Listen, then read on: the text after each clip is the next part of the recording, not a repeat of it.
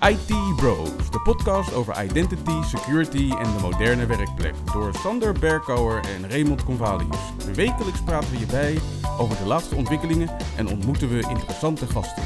Volg onze podcast op Spotify of iTunes en stel je vragen op Twitter, ITBrosNL. Ik ben Raymond Convalius. En mijn naam is Sander Berkouwer. Welkom bij aflevering 11 van seizoen 2 van de IT Bros podcast. Met deze week het meest recente nieuws, aankomende evenementen en een nieuwe productiviteitstip van Ray.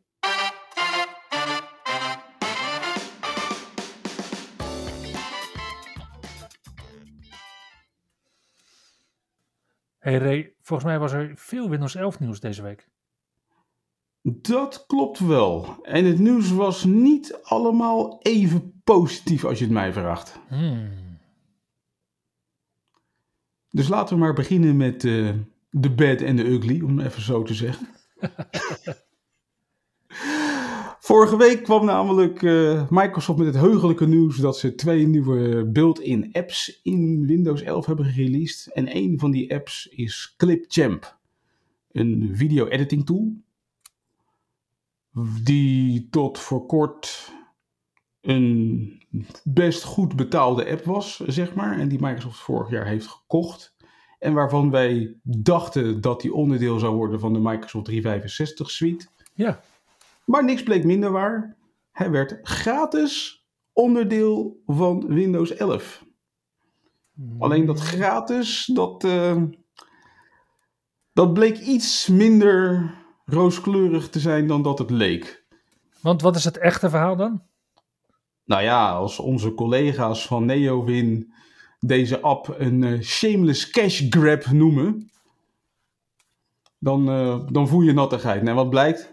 Ze hebben de basisfunctionaliteit van uh, Clipchamp hebben ze beschikbaar gesteld in Windows 11. Mm -hmm. Dan kan je video's maken en editen tot een resolutie van 480p.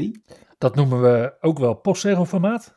Inderdaad. En als je dan naar HD-formaat wil, dan begin je minimaal 20 dollar per maand neer te tellen voor deze app.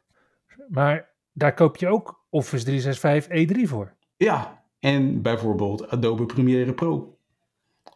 Dus ja, al met al is het een uh, freemium uh, dingetje geworden in Windows 11, waar wij met z'n allen denk ik niet heel erg blij van worden. Nee, nee ik denk dat het uh, weinig nuttig gaat zijn om daadwerkelijk dingen mee te kunnen doen voor zakelijk gebruik. En ja, dan vraag ik me af, waar, waar zou je 480p voor kunnen, kunnen TikTok? Ja, misschien, ik weet het niet. Maar goed.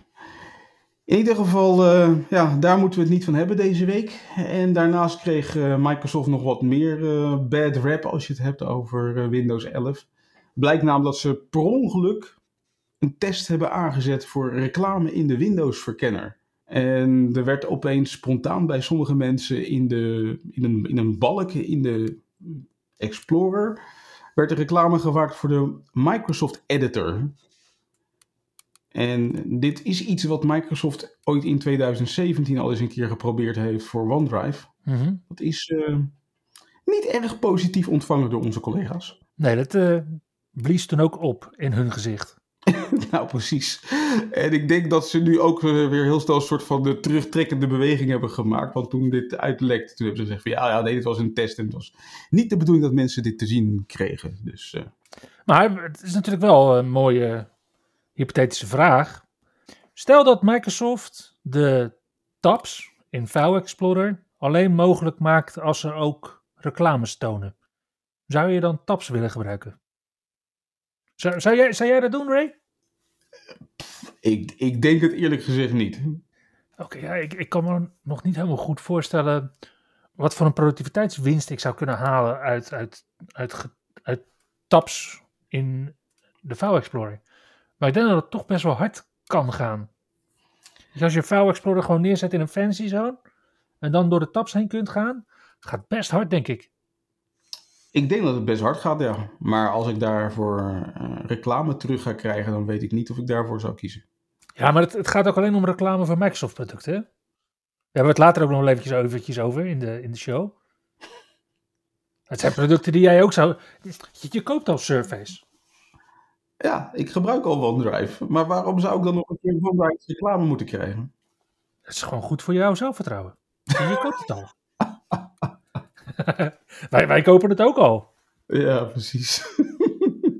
ja, ja, kijk, het gevaar is natuurlijk dat ik weer verleid kan worden om versie 1 of versie 2 producten te kopen. Daar moet ik dan wel voor waken, dat geef ik eerlijk toe. Ja. Ja, ik weet niet. Nou ja, goed. In ieder geval, uh, Windows 11 had wat dat betreft een iets, iets minder rap de afgelopen week. Uh, was ook, gelukkig was er ook positief nieuws. Er kwam namelijk een nieuwe release uit in de beta- en release preview channels van Windows 11. En daar kwam beeld nummer 22.588 uit. En dat is een beeld met een heleboel fixes. Waaronder een lang verwachte fix, eindelijk, voor Outlook. Want het is volgens mij al een half jaar zo dat je de meest recente mails in Outlook niet terug kan vinden met een offline search. En die hebben ze eindelijk gefixt. We, we kunnen het natuurlijk lang en kort hebben over Microsoft Search. Maar jij weet net zo goed als ik dat er maar één product is waar Microsoft een find-knop in heeft gemaakt. Active Directory Users and Computers. Dat is het enige wat Microsoft zo'n beetje kan vinden, geloof ik. En de rest mag je allemaal zoeken. Ja, inderdaad. Maar in ieder geval, eh, deze ronde met fixes, daar zat best wel een aantal dingen tussen. Als ik door de fixes heen kijk, denk ik van nou, toch wel prettig dat ze hier even werk van hebben gemaakt. Onder andere bleken er allerlei uh, valse alarmen uit voor te komen uh, richting SCOM. Mm Als je met de GP Result slash H zo'n HTML rapportje maakte, dan bleek dat rapportje niet goed te worden weergegeven door moderne browsers. Als je een test deed met PowerShell voor AppLocker, dan kreeg je een access denied melding. Dus, uh, niet echt een productiviteitstip waardig. Nee, precies. Op zo'n manier. En als je met meer dan 100 gebruikers inlogde op remote desktop services, dan werd je systeem instabiel.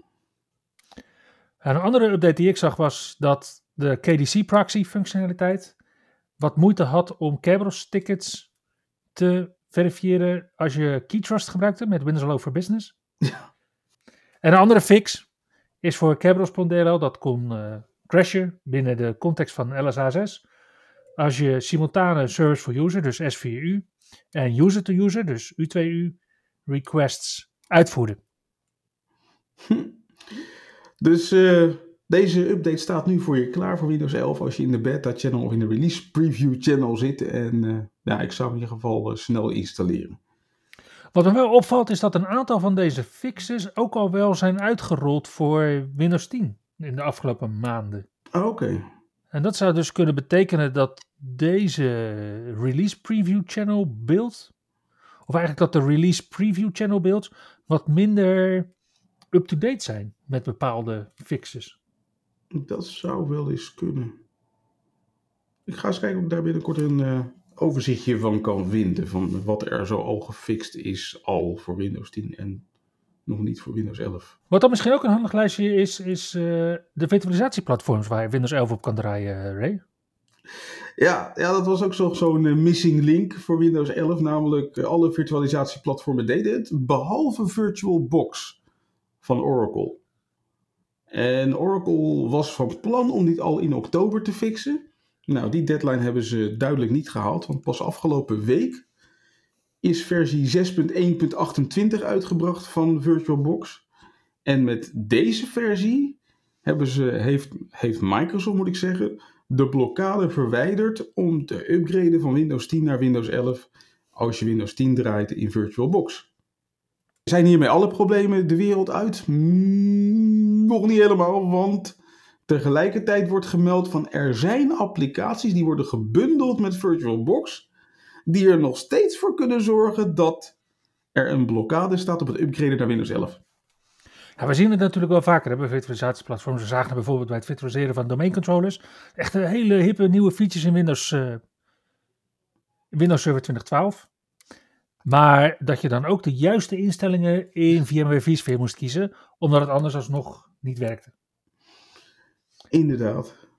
Dus ik denk dat dit een, een goede, goede stap is, die ook menig VirtualBox eigenaar misschien wel gaat overtuigen om de juiste instellingen, dus we het eigenlijk bij Windows 11 natuurlijk over veilige instellingen, gaat instellen.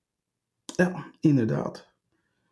Nou ja, en dan blijkt dus dat Microsoft sowieso nog bezig is met het verbeteren van Windows 11. We zitten natuurlijk met smart te wachten op de release van uh, Windows 11 22H2. Mhm. Met allerlei verbeteringen. Maar in de tussentijd heeft Start 11 daar ook al werk van gemaakt. En die lijken zo ongeveer alle uh, ja, rottigheden, hoe moet je dat noemen? De niet zo fraaie kantjes van de taakbalk van Windows 11 al te hebben opgelost met hun softwareproduct, waar je wel iets voor moet betalen, maar dan heb je ook wat. Namelijk gewoon een heleboel functionaliteit die je gewoon nu mist in Windows 11. Ja, en Stardock heeft daar natuurlijk een, een reputatie van, want we zagen het ook al ten tijde van Windows Vista bijvoorbeeld. Als je dan toch terug wilde naar de look en feel en alles van Windows XP. En onder Windows XP hadden ze natuurlijk mogelijkheden om de hele ganse interface compleet te veranderen. Ja, nu leggen ze zich inderdaad toe op, op dit soort dingen, waardoor ze eigenlijk voor een, een relatief klein bedrag, we hebben het inderdaad over zo'n 6 dollar per apparaat, en daar begint het dan mee, dat je dat soort uh, onhebbelijkheidjes, is dat een goed woord? Ja. Groeipijntjes, kunt, uh, kunt wegwerken. Inderdaad. Nou ja, als je dan toch het hebt over uh, groeipijntjes wegwerken. Als je Windows 10 21H2 nog draait, mm -hmm. dan is daar ook een voor uit. Namelijk uh, build 19.044.16.18. In deze release preview channel build hebben ze de nieuwe search highlights beschikbaar gesteld. Dat is die nieuwe functie waar ik het vorige week over had in Windows 11. Waarbij ze dus uh, de zoekfunctionaliteit in je taakbalk hebben verrijkt met allerlei informatie over je organisatie en het nieuws. En zoals Microsoft zegt, discover more, be connected and stay productive.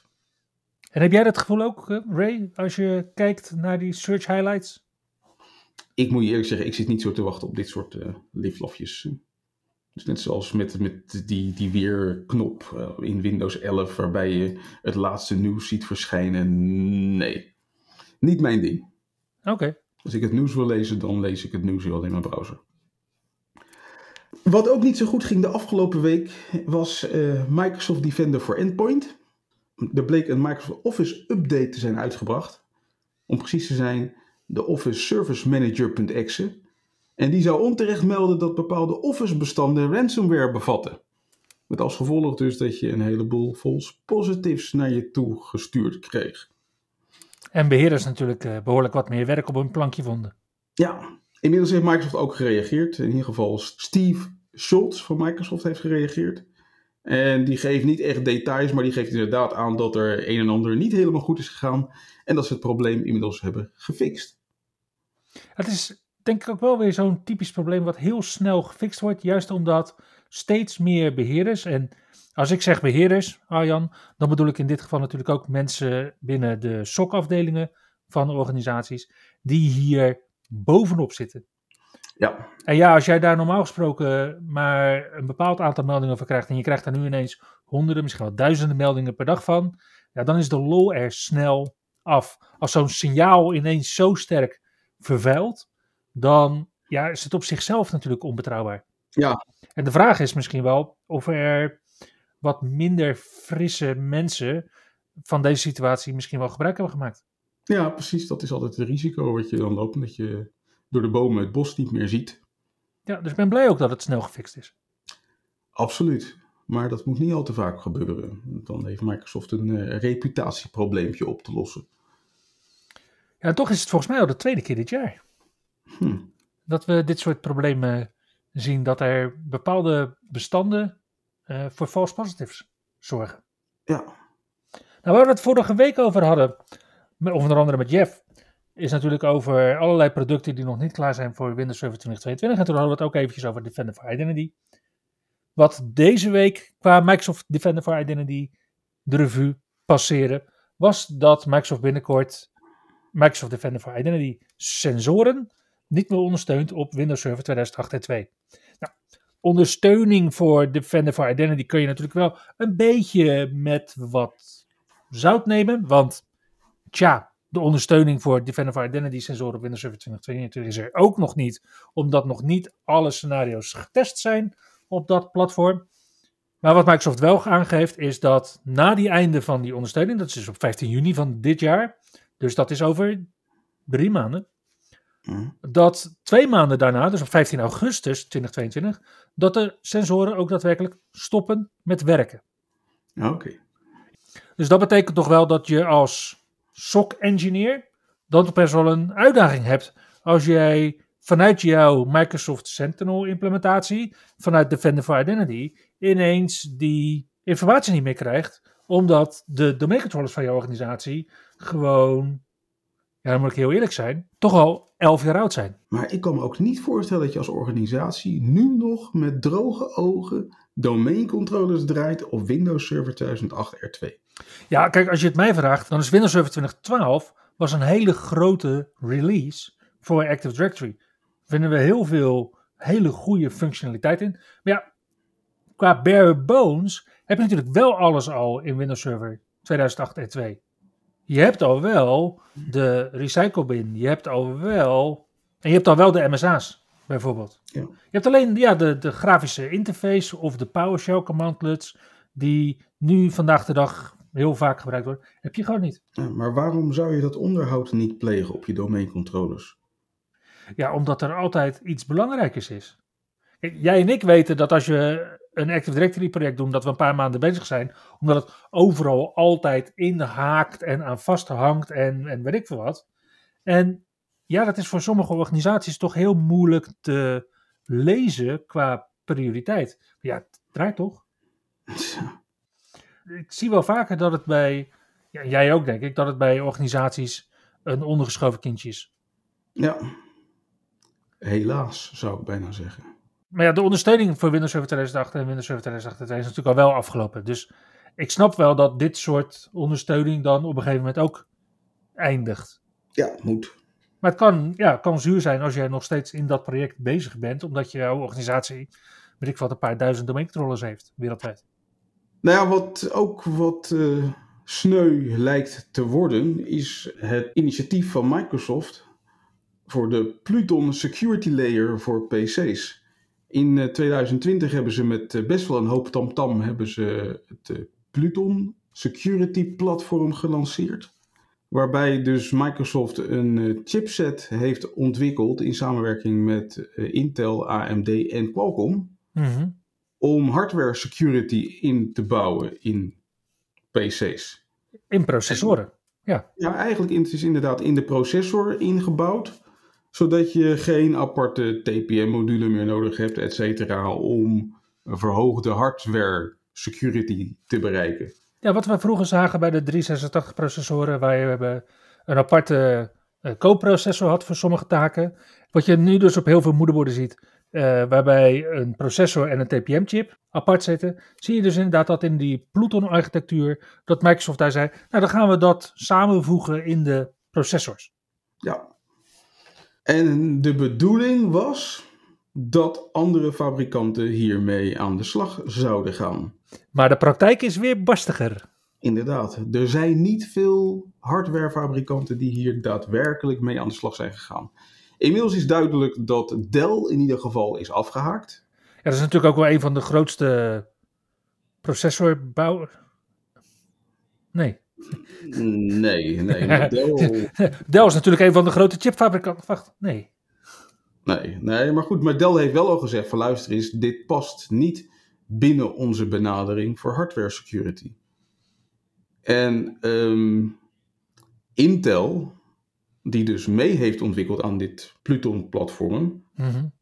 die gebruiken het ook niet in hun laatste generatie core processoren.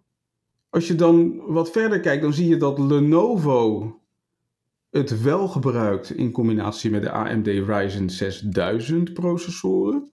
Ja, waar het ingebakken zit. Ja. Het zit erin ingebakken en ze hebben het niet ingeschakeld in de machines die ze verkopen. Dus je moet het nog even zelf aanzetten. En het zit in de ThinkPads van Lenovo, waar een ARM Snapdragon 8CX Gen 3 chip zit. Want ook die is uitgerust met Pluton. Dus het lijkt erop dat Qualcomm en AMD er wel iets mee zijn gaan doen. Mhm. En dat Lenovo het ook beschikbaar stelt, zeg maar, vanuit zijn UEFI settings. Waar eh, Dell gewoon nu keihard zegt van, we gaan er niks mee doen. Ja, maar Dell doet natuurlijk ook heel weinig met AMD-processoren tegenwoordig. In endpoints in ieder geval. Ja. Nou ja, HP geeft gewoon geen commentaar. Die zeggen nog niet of ze het wel of niet willen gaan gebruiken. Ja, en HP heeft natuurlijk wel al een tijd AMD-processoren in endpoints beschikbaar. Ja, Dus ik denk dat zij ook nog misschien een beetje aan het zoeken zijn naar wat ze willen gaan doen. Het is toch wel interessant hè, dat Lenovo dan daarin voorop loopt. ja, Dat denk ik ook wel een beetje tekenend voor die markt voor, voor laptops. ja, misschien wel. Dell en HP natuurlijk eh, van oudsher de grote partijen daarin. En Lenovo die nu steeds meer en meer markt pakt. Ja, met dit soort aanpak kan ik me daar ook wel iets bij voorstellen. Als je inderdaad die, die ThinkPad-series ziet. Wat ja, aan de ene kant heb, van dat spectrum heb je de grote robuuste tuintegels. En aan de andere kant heb je de super hippe eh, X13S bijvoorbeeld. Waar iedereen mee wegloopt. Vanwege zijn super dunne schermranden en dat soort dingen allemaal.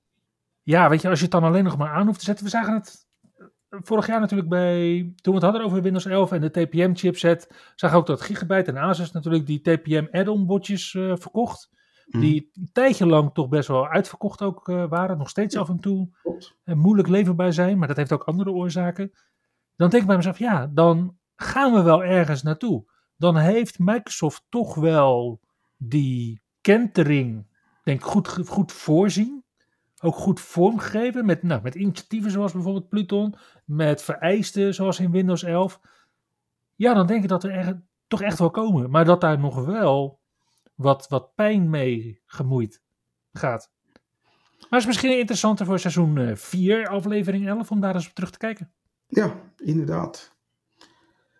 Nou, wat Microsoft eh, heeft gemerkt nu eh, de pandemie zich richting het einde beweegt, is dat hybrid of hybride werken, dat dat eigenlijk een blijvertje is. Dus wat zie je nu? Microsoft is bezig met het updaten van Outlook, Teams en PowerPoint om eh, hybride werken daadwerkelijk en nog beter te ondersteunen. Zo zie je bijvoorbeeld dat er nu een nieuwe functie in Outlook terecht is gekomen. Dat als je een uitnodiging krijgt, dat je van die uitnodiging kan aangeven of je hem persoonlijk gaat bijwonen of dat je hem virtueel gaat bijwonen. Tegelijkertijd zie je ook dat er een aantal andere verbeteringen plaatsvinden. Zo heeft Teams bijvoorbeeld de front row layout gekregen, waarbij eh, de videogalerij naar de onderkant van het scherm verhuist, zodat je je collega's wat makkelijker in de ogen kijkt vanuit je sessie. En waarin ze ook wel wat groter in beeld verschijnen dan dat je tot nu toe gewend was in Teams. Ja, dat kan een, zowel een voordeel als een nadeel zijn, hè? Er zijn collega's die je liever ziet dan anderen. Maar goed, dus eh, voor onze Belgische collega's, hè? ja, precies. Ja, ik zie u graag. Eh, mooi Belgisch. Ja, voor sommige collega's. Ja, verder zie je nog wat meer verbeteringen in Teams. Ook bijvoorbeeld voor de Teams Room Systems zie je dat er ehm, verbeteringen zijn gekomen, zodat je eh, met je companion device, dus als jij je eigen apparaat bij je hebt en je doet mee aan een Teams eh, sessie in een ruimte waar ook een Teams Room is, dat die Teams sessie wel jouw eigen camera gaat gebruiken om jou te laten zien. Dat je dus niet tegen die grote ruimte met al die collega's aan zit te kijken, maar dat je al die collega's gewoon toch in person kan zien. Verder is Microsoft druk bezig met het eh, vormgeven of uiteindelijk releasen van wat ze noemen de loop components. En dat klinkt best heel interessant. Namelijk een loop component is een, eh, ja, een soort van los blokje met eh, samenwerkingscontent. Die dan ook nog eens een keer zeg maar, onafhankelijk mee kan reizen. Dus je kan zo een blokje met bijvoorbeeld een document waarin je in aan het samenwerken bent, kan je naar elkaar mailen. En tegelijkertijd kan je dat document dus toch nog blijven bewerken, ook nog met z'n allen. Ja, je, de use cases die je hiervoor inderdaad ziet zijn, eh, zijn uiteraard eh, verkoopinformatie En dan inderdaad in bepaalde grafieken. In SharePoint kan je daar dan aan samenwerken. Je pakt zo'n grafiek en je doet hem inderdaad in je document als loop content invoegen. En hij blijft inderdaad verder updaten en doen. Ja. Nou, verder zie je dat men eh, ook bezig is met stoeien met PowerPoint. Daar komt een heel interessant ding in naar voren. Namelijk de Cameo en Recording Studio features voor PowerPoint. Die gaan het dus mogelijk maken dat je uh, jouw PowerPoint-presentatie kan opnemen met jezelf in beeld. En ik weet niet of daar dan een complete video-editor bij gaat komen. Maar goed, dan, doe ik, dan zit ik dan weer te denken aan. Uh... Aan Clipchamp. Ja, precies. Zou het dan misschien toch een plekje krijgen in Microsoft 365? Zou het dan toch? Hey, en is dit uh, allemaal al beschikbaar of gaat Microsoft dit nog aankondigen? Um, zover ik weet wordt dit binnenkort aangekondigd. Het is, het is, nu, het is nu een soort van aangekondigd in een uh, blogpost. Het is er nog niet uit. Het is nu nog maar PowerPoint realiteit? Het is wel de bedoeling dat we in Q2 uh, dit daadwerkelijk terug gaan zien in de Microsoft 365 suite. Zou dat misschien de, dat, de Future of Hybrid Work evenementen zijn wat op mijn kalender prijkt voor 5 april? Ik hoop het. Nou, dat zou toch wel mooi zijn. Inderdaad. Nou, ondertussen zag ik ook dat Office.com, het, uh, het portaal voor alle Office content, uh, een, uh, een update heeft gekregen. Ook de Office app op, mm -hmm. op iOS in ieder geval heeft wat nieuwer smoel ontvangen. En ik zag dat er nu filters zijn om snellere toegang tot content naar eigen voorkeur in te stellen. En dat je een venster hebt mijn inhoud, om al je eigen werk bij elkaar te zetten. En dat je ook kunt zoeken op. En dat je dan dus bijvoorbeeld alleen maar naar documenten van een bepaald de collega kunt zoeken. Of alleen maar bijvoorbeeld documenten met betrekking tot een bepaalde groep. Ja, dus ook daar zie je dat het hybride werken gewoon beter wordt ondersteund. Op dit moment is dat trouwens alleen beschikbaar voor je work or school account. Mm -hmm. En uh, voor de Microsoft 365 personal gebruikers uh, lijkt deze update voor iets later dit jaar alsnog in de planning te zitten. Maar niet getreurd?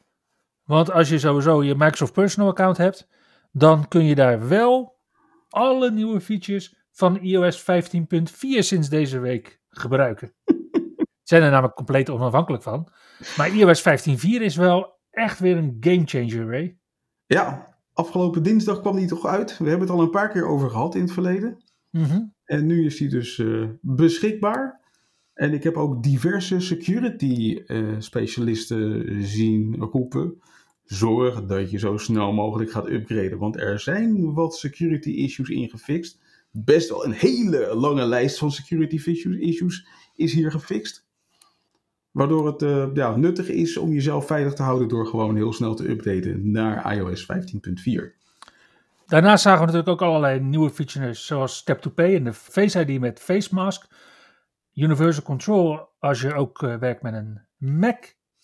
En AirTag Anti-Stalking. Je kunt tegenwoordig ook je digitale identiteits- en rijbewijzen in de wallet plaatsen. In ieder geval als je in de Verenigde Staten woont. Mhm. En het EU-vaccinatiebewijs kun je nu in de wallet plaatsen. Ik had uh, weinig moeite met het overtuigen van mijn collega's, maar ook van mijn tienerdochter om te installeren. Want er zijn ook, en niet één, maar wel 37 nieuwe emojis toegevoegd aan iOS. En als er één ding is wat sommige mensen irritant vinden, dat is dat een emoji niet wordt getoond. Dus als je dat niet wil overkomen, doe dan zo snel mogelijk naar iOS 15.4. Upgraden. Inderdaad. Nu had ook Veeam belangrijk nieuws afgelopen week. En volgens mij is dat jouw afdeling, Sander. Ja, vorig jaar oktober heb ik uh, kennis mogen maken met de toenmalig net nieuwe verse CISO van uh, Veeam. En ik zie nu ook een aantal echt zeer professionele koerswijzigingen bij Veeam plaatsvinden. Want ja, ze hebben natuurlijk wel zo'n zo'n knowledge-based artikel waarin ze alle uh, kwetsbaarheden die ze dan hebben gefixt in vorige releases hebben samengevat. Maar ze zijn nu ook daadwerkelijk CVE's aan het toewijzen aan de kwetsbaarheden die in hun producten zitten. Nice. En wat we tegenkwamen afgelopen week waren vier kwetsbaarheden. Er zijn er drie in Veeam Backup en Replication, waarvan twee kritiek in ingebouwde functionaliteit. En één die toch best wel belangrijk is, maar die alleen maar in de SCVMM-integratie plaatsvindt. Uh, System Center Virtual Machine Manager. Mhm. Weet je, als je het nog gebruikt op Twitter, steek dan je hand op. Zijn niemand. um, en wat we zagen is dat er ook een elevation of privilege kwetsbaarheid was in de Veeam agent voor Microsoft Windows. En dat vind ik wel een, een interessant puntje, want kijk, Veeam Backup and Replication, dat is natuurlijk een, een echt enterprise product. Dat gebruiken organisaties van oudsher als ze natuurlijk al grote virtualisatieplannen hadden en daar inderdaad gebruik willen maken van gewoon de beste backup die je vanuit zo'n virtualisatieplatform of vanuit storage kunt gaan maken. Maar de Veeam Agent voor Windows juist is zo'n installatie die je kunt gebruiken voor je fysieke servers. Die kan je koppelen aan Veeam Backup en Replication, maar dat hoeft helemaal niet. En ik ken best wel wat personen die die Veeam Backup Agent voor Windows gebruiken om gewoon backups te maken van hun endpoints. Ja. Of zelfs backups te maken ten tijde van migraties van endpoints. Dus dat je inderdaad een backup maakt van een apparaat, wat domain joint is, dat je hem vervolgens opnieuw inspoelt als Azure AD joint apparaat en dat je vervolgens het profiel terug restoort. Omdat daar gewoon heel weinig migratiemogelijkheden voor zijn. Tenzij je betaalt. Die, die Veeam Agent voor Microsoft Windows is natuurlijk gewoon gratis. En daarom wordt die heel veel gebruikt in ja, eigenlijk hele kleine omgevingen.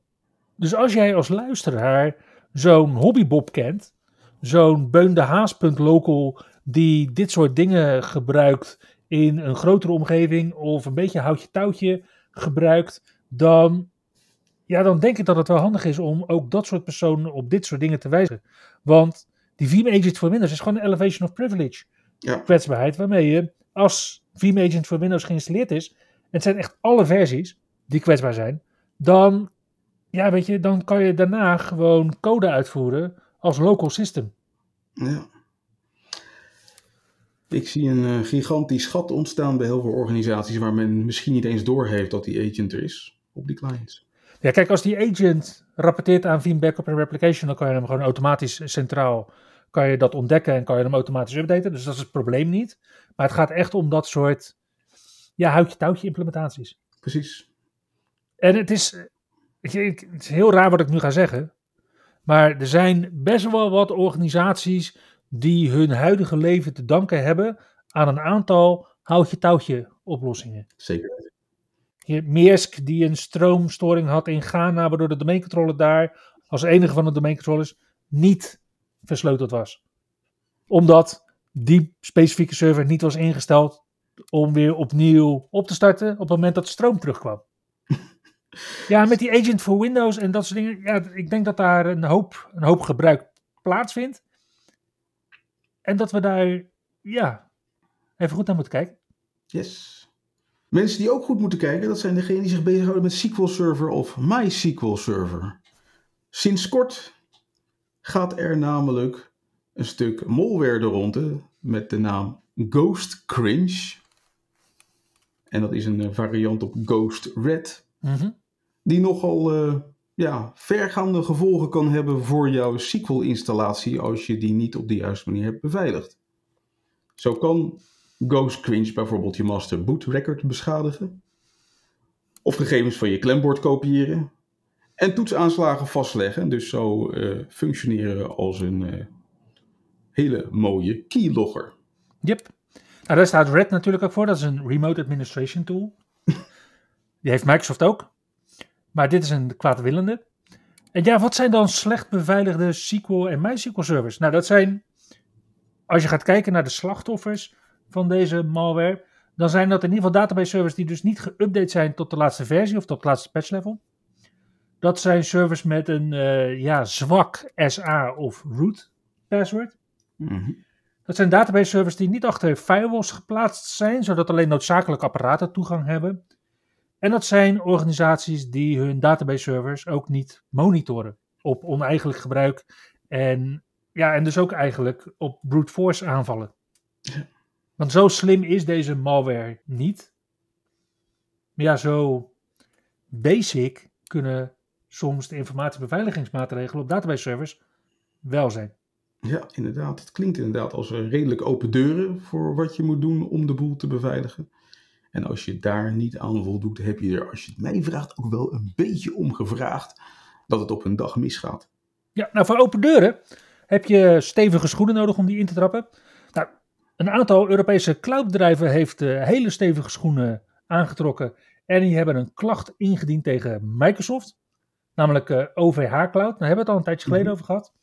Dat is een uh, voornamelijk Franstalige cloud provider. Yes. En twee van de branchegenoten hebben klacht ingediend bij de Europese Commissie tegen Microsoft afgelopen zomer. Nou, nu heeft de Europese mededingingswaakhond aangegeven, die gaan we eens bekijken. En eventueel volgt dan nog nader onderzoek. En het gaat over de wijze van licentiëring door Microsoft, waardoor deze cloudbedrijven vinden dat in business cases en in dat soort licentieverhoudingen, dat er door best wel wat organisaties worden gesteld van waarom zouden wij jullie clouddiensten afnemen bij de producten of in combinatie met de producten van Microsoft, als al die clouddiensten die jullie al bieden, ook al in die licentiesuite van Microsoft zitten. Ja, en dat vinden ze niet eerlijk. Ja, ik vind dat je dan echt wel hele stevige schoenen aan hebt gezet. En dat je echt wel een open deur intrapt. maar goed, Microsoft heeft natuurlijk al twintig jaar aan de stok met uh, dit soort uh, toezichthouders en andere wet- en regelgevende instanties. En ik kan me niet indenken dat Microsoft dit soort fouten opnieuw maakt.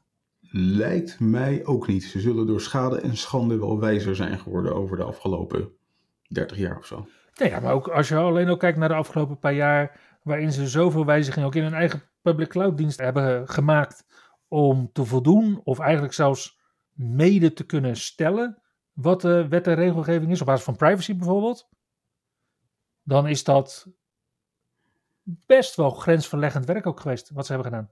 Ja, inderdaad. Ja, en wie daarin volgt, inderdaad, als je kijkt naar dat soort privacy-wetgeving en regelgeving, is uh, Zoom. Die na Nederlands privacyonderzoek hebben besloten om toch ook een, aantal fundamentele wijzigingen aan te brengen in hun dienstverlening. Strategisch leveranciermanagement Rijk wilde dat natuurlijk al een hele lange tijd geleden tegen het licht aanhouden. Nu heeft SURF, de coöperatie van alle onderwijs- en onderzoekinstellingen in Nederland, daarvoor de Privacy Company in de hand genomen. Nou, dat is eigenlijk de organisatie die al dit soort DPIA's, of als we daarvan in het Nederlands uh, een mooi woord gebruiken, een gegevensbeschermingseffectrapportage schrijven. Die hebben naar Zoom gekeken en die zeiden van nou, beste Zoom, je kunt best wel een aantal dingen doen om een hele berg risico's gewoon plat te slaan voor mensen binnen Nederland en dus in Europa. En Zoom zegt, nou weet je, dan gaan we dat doen. En Zoom zegt dat ze de gegevens van gastgebruikers nu zo gaan beschermen dat die niet meer worden gebruikt voor commerciële doeleinden. Dat de verwerkersovereenkomst wordt aangepast, zodat de bewaartermijn beter wordt uitgelegd en dat duidelijker wordt beschreven welke gegevens Zoom verzamelt. En voor het eind van dit jaar gaat Zoom ook alle persoonsgegevens van Europese klanten in Europese datacenters opslaan. En dan komt een Europees nummer wat we kunnen bellen als we problemen hebben. Zo. Klinkt alsof ze Microsoft volgen in een hoop van dit soort ontwikkelingen. Ja, betekent natuurlijk niet dat organisaties dan klakkeloos gebruik kunnen maken van Zoom. Er zijn nog steeds een aantal dingen waar je rekening mee moet houden. Dat moet je natuurlijk ook bijvoorbeeld bij Teams. Daar hebben we het de afgelopen week over gehad. Maar de grote privacyrisico's worden hiermee wel aangepakt.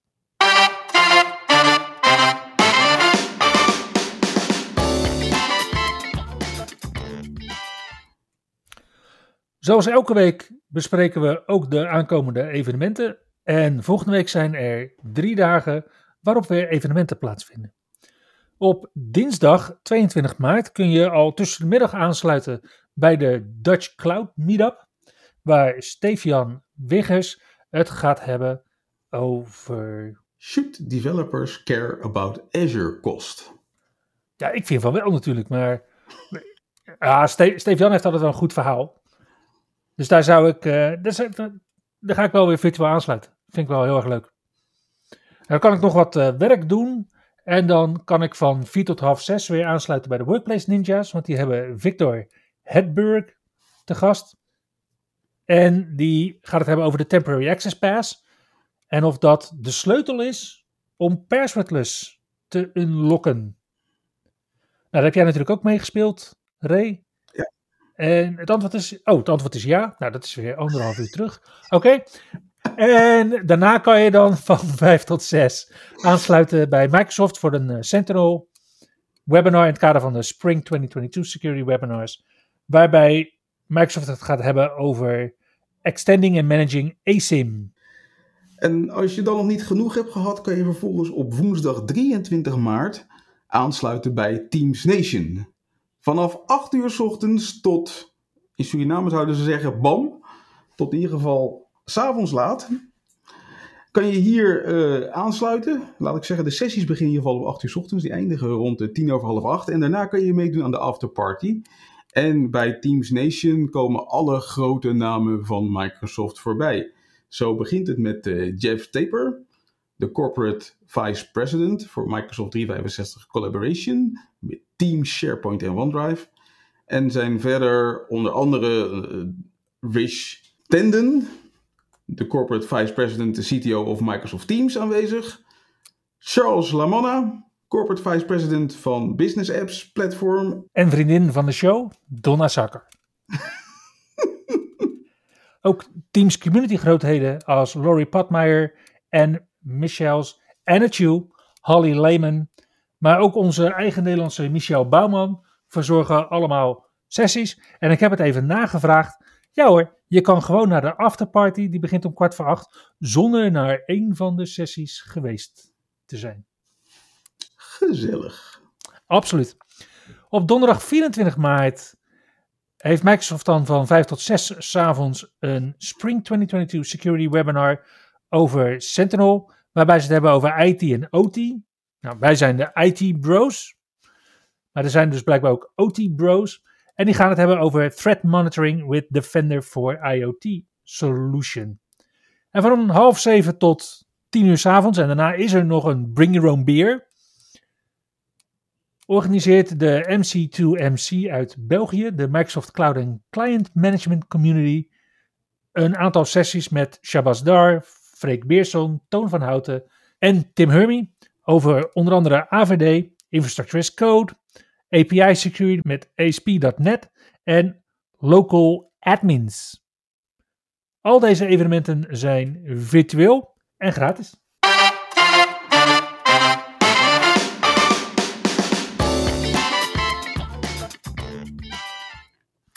Hey Ray, toen je me vertelde dat de productiviteitstip deze week uh, wederom over PowerToys gaat, toen dwaalde mijn gedachten wel eventjes af naar Windows 95 Plus en Windows 98 Plus en dat soort initiatieven van Microsoft om het uh, Windows besturingssysteem te verfraaien en te verfijnen.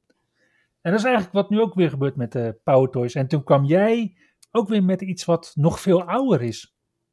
Ja, volgens mij had je inderdaad in de tijd van Windows NT ook iets wat de Power Toys heette. En wat toen ook al een, een setje van hele fijne troeltjes was om je werkomgeving te verbeteren.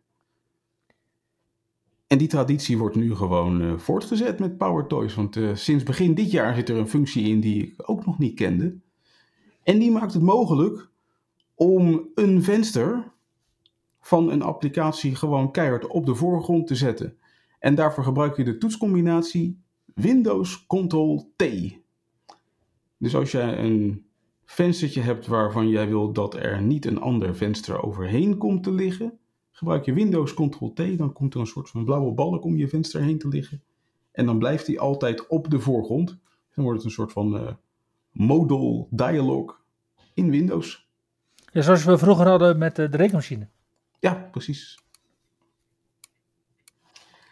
Dus die wilde ik jullie zeker niet onthouden. Ik ga hem absoluut vaker gebruiken, want ik kende hem ook nog niet. En ik vind het toch wel handig als sommige informatievenstertjes prettig op de voorgrond blijven op mijn scherm.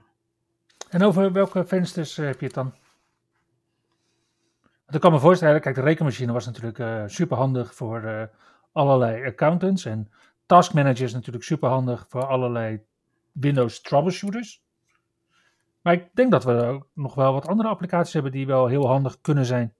Ja, nou ja, goed. Kijk, ik heb bijvoorbeeld eh, WhatsApp standaard meedraaien op mijn scherm. Mhm. En zeker als je dan een groot scherm hebt, is het wel prettig om dan WhatsApp ergens vast te zetten, zodat je gewoon je berichtjes ziet binnenkomen op je scherm.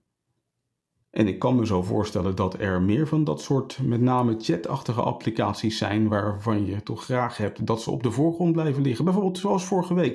Toen hebben wij die eh, webinar gepresenteerd Mhm. met de GoToWebinar.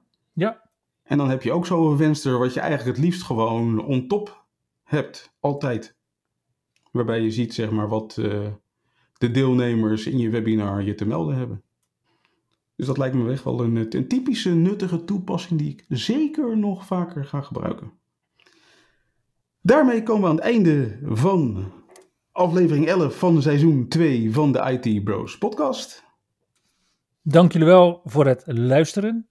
En tot volgende week. Tot de volgende week.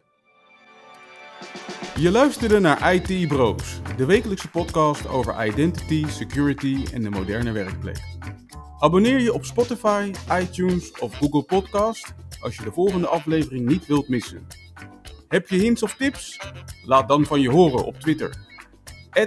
@itbrosnl